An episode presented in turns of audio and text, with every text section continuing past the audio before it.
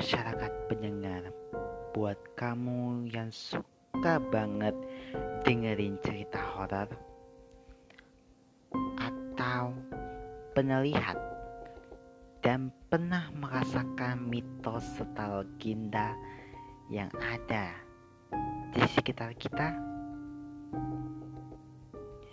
Kalian wajib banget dengerin di segmen mitos dan legenda Mitos dan Legenda merupakan podcast terbaru dari berbagi cerita Tyler yang mengangkat sebuah kisah sekaligus makna di balik sebuah peristiwa serta mengungkap mitos dan fakta yang dibalik di dalamnya.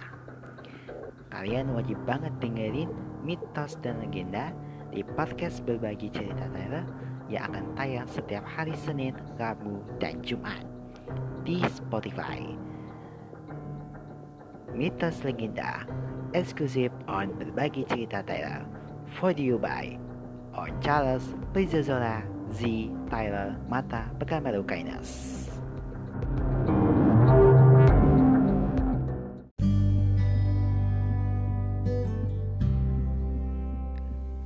Di season 2 kali ini kita akan tampil dengan lebih beda, lebih baru, dan lebih seru Menceritakan sebuah pengalaman kisah di Bali Tyler dan peristiwa. Inilah podcast berbagi cerita Tyler Halo sahabat semuanya. Kalian pasti nunggu kan kita-kita Ya berjumpa lagi di podcast berbagi cerita Tyler yang sudah memasuki di season kedua. Barang aku tak Matai Saputra dan barang teman aku Tyler King yang sekarang sudah ada di Spotify. Dengerin kami setiap hari Senin, Rabu, dan Jumat. Baiklah, hari ini kita akan membahas sedikit perbedaan yang menjadi viral di media sosial ini lagi rame banget nih ya unggahan uh, seputar warganet yang berbelanja secara online dengan sistem cash on delivery atau COD dan beradu mulut dengan sang kurir. Nah, jangan sampai ini kejadian sama kamu ya. Apalagi kalau kamu yang salah dan tidak paham dengan aturan yang berlaku.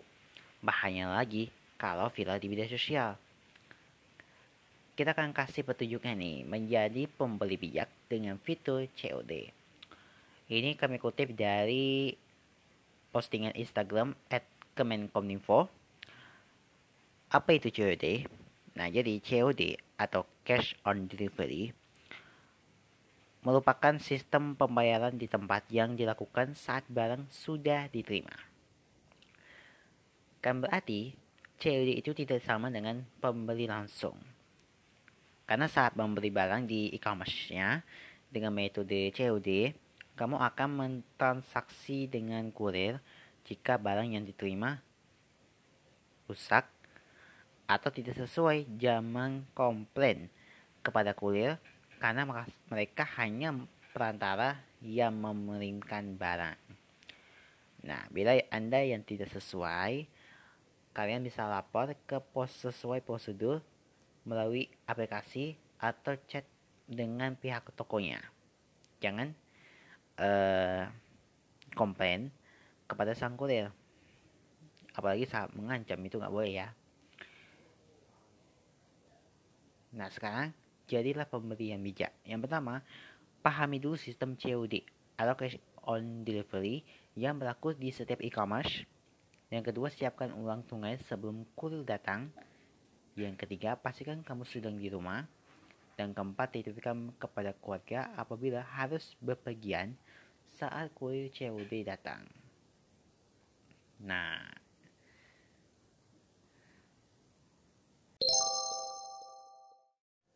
sejarah hari ini. Kerajaan Pajajaran di kota Buinzon Sejarah Bogor sangat berkaitan erat dengan kerajaan Pajajaran. Dalam miniatur sejarah, menyebut bahwa Bogor pada masa lalu menjadi pusat pemerintahan kerajaan besar tanah Pasudan sekitar abad 13 sampai 15 Masehi. Kala itu Prabu Dewanta Pranasti Bagunda Maharaja atau dikenal dengan Prabu Siliwangi diangkat menjadi Raja Pengajaran tanggal 3 Juni 1482. Prabu Siliwangi mengawali pemerintahan zaman pas Pakultan Pajajaran Pasudan selama 39 tahun. Pada masa inilah Paku dan Pajajaran di Bogor mencapai puncak perkembangannya. Sebutan Pakudan dan Pajajaran ditemukan dalam prasasti batu tulis.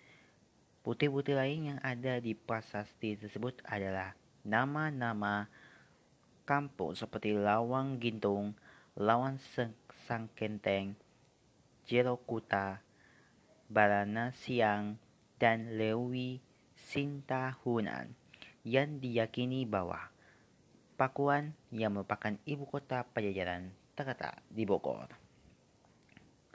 Salah satu sumber yang menguatkan bahwa kota Bogor memiliki korelasi dengan Pakudan yang merupakan ibu kota Pajajaran adalah naskah Carita Waguna Guru sekitar 1750-an. Berbahasa Sunda kuno yang menjelaskan bahwa nama Paku dan Pajajaran didasari karena di lokasi tersebut banyak tempat pohon paku jajar. Pasca penyemburan Banten dan Paku dan Pajajaran catatan mengenai kota Paku Kampung hilang dan baru terungkap setelah datangnya ekspedisi orang Belanda yang dipimpin oleh Sito dan Ripek tahun 687. Mereka meneliti prasasti batu tulis dan situs lainnya yang yakini bahwa ini Bogola terletak pusat pemerintahan Pakuan Pajajaran. Sumber pemerintah Provinsi Jawa Barat. Ya, kemarin saya dapat berita juga kan dari media sosial tentang uh, sistem pembayaran COD ini sendiri. Nah, ini seperti yang kami kutip dari kuparan.com. Ini mendengar sistem COD di e-commerce yang bikin kurir kerap jadi korban ancaman. Sistem pembayaran cash on delivery atau bayar barang pesanan yang diantarkan kurir ke lokasi pembeli banyak digunakan seiring dengan uh, maraknya penjualan produk via e-commerce. Sayangnya banyak kejadian tidak menyenangkan yang dialami kurir e, karena pemberinya merasa barang pasangannya itu tidak sesuai gambar. Alhasil e, banyak kurir diancam mulai dari makian hingga sunset, santet ya. Misalnya ada yang dialami oleh sang seorang kurir dimaki dengan kata-kata kasar oleh seorang ibu berundung kuning di Kemdoya, Jakarta Barat karena merasa barangnya yang dibeli uh, tidak sesuai. Tindakan si ibu itu pun viral di media sosial. Banyak netizen yang geram dengan sikap si ibu yang salah sasaran ini. Ada juga yang kurir yang menerima ancaman disanset lah oleh pembeli si Seram Banten yang dibangkitkan oleh akun di Twitter pada Jumat lalu. Dalam gambar jebetan raya tampak percakapan kurir dengan pelanggan melalui WA. Pembeli itu bahkan sampai mengeroh si kurir, mengancam akan memberikan santet sampai mengirimkan foto itu lewat WA. Kalau kata kurirnya sih, sampai sekarang aneh diteror. Terus aneh harus gimana sebagai, sebagai kurir kan? Sudah dikasih masukan dengan cara reto dia nggak mau dan tetap gak paham-paham apa perlu apa polisi. Pakai ancam mau santet dan dia bilang kalau saya bawa polisi pun gak takut kata si kurir Lalu bagaimana sih sebenarnya aturan COD ini atau cash on delivery? Ketua Umum Indonesia E-Commerce Association Bima Langka menyatakan sistem cash on delivery atau COD salah satunya untuk memfasilitasi masyarakat yang belum tentu mengenal pembayaran digital. Nah, kedua COD memfasilitasi mereka yang masih ragu belanja online jadi merasa lebih insecure, aman, barang diterima bayar, ujian Bima kepada kumparan pada Kamis lalu. Ia menegaskan kurir tidak bertanggung jawab dengan uh, kesesuaian pasangan selama pengengking. Masih utuh saat diantarkan dari penjual ke pembeli. Hal itu juga berlaku untuk sistem pembayaran non-COD. Sehingga dengan COD itu kurir mengantar barang dengan kondisi aman, tersegel, barang diberikan kepada pembeli lalu setelah barang diterima, pembayaran telah dilakukan. Atau namanya barang itu dikirimkan tanpa perlu dibuka. Ingat, kalau sampai kurir datang, kalian jangan dibuka dulu. Nah, konsumen punya kewajiban membayar ke kurir karena tugas kurir hanya di situ. Nah, bagaimana sih jika barangnya itu tidak sesuai? Nah, ia menegaskan nih pelanggan masih bisa mengajukan komplain. Mekanisme komplain itu ini juga sama dengan pembayaran digital. Untuk sistem COD, ada pihak vendor yang mengumpulkan uang dari pelanggan melalui kurir. Uang tersebut akan diberikan kepada penjual jika barang telah diterima, diterima dan sesuai. Jika pun setelah dibuka produk tidak sesuai dengan pemesanan itu masih bisa diajukan komplain.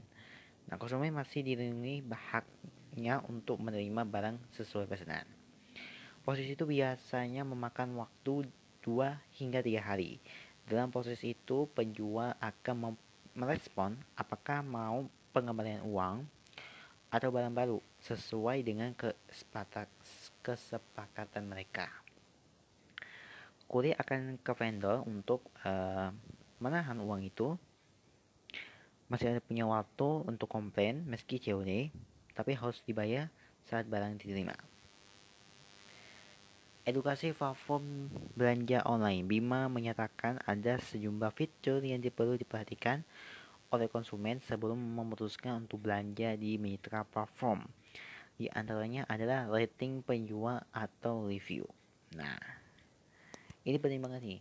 Kalian kalian pasti tahu kan ada barang kita lihat dulu komentar-komentar yang bagus gak ini kalau bagus pesan kalau rasa kurang bagus ya udah cari yang lain deh oke. Selain itu, pembeli juga diimbau untuk menjeli melihat foto dan deskripsi barangnya. Jangan sampai hanya tertarik dengan display foto saja, tapi tidak memeriksa keterangan produk tersebut.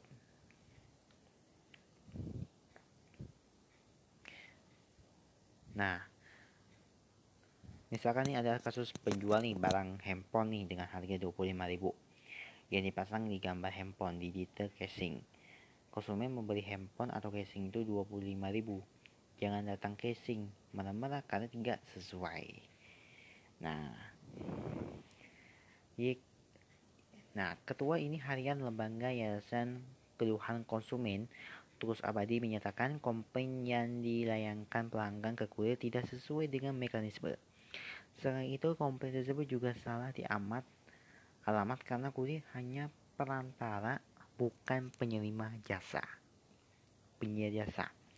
Ini menunjukkan bahwa interaksi dan edukasi sebagian konsumen tentang e-commerce masih rendah.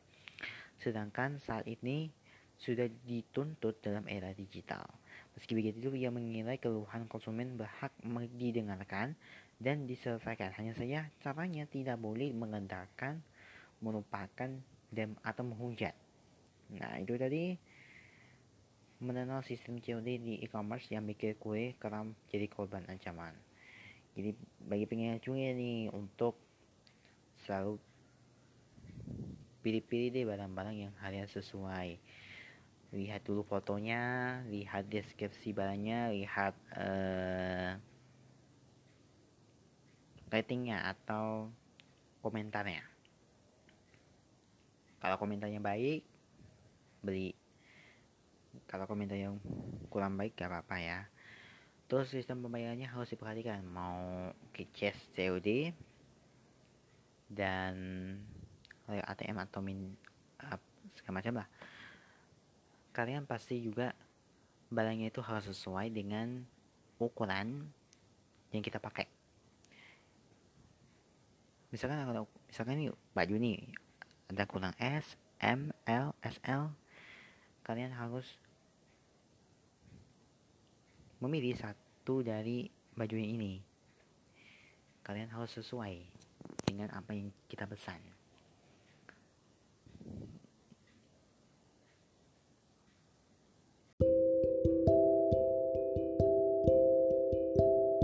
Berbagi cerita Tyler hanya di Spotify.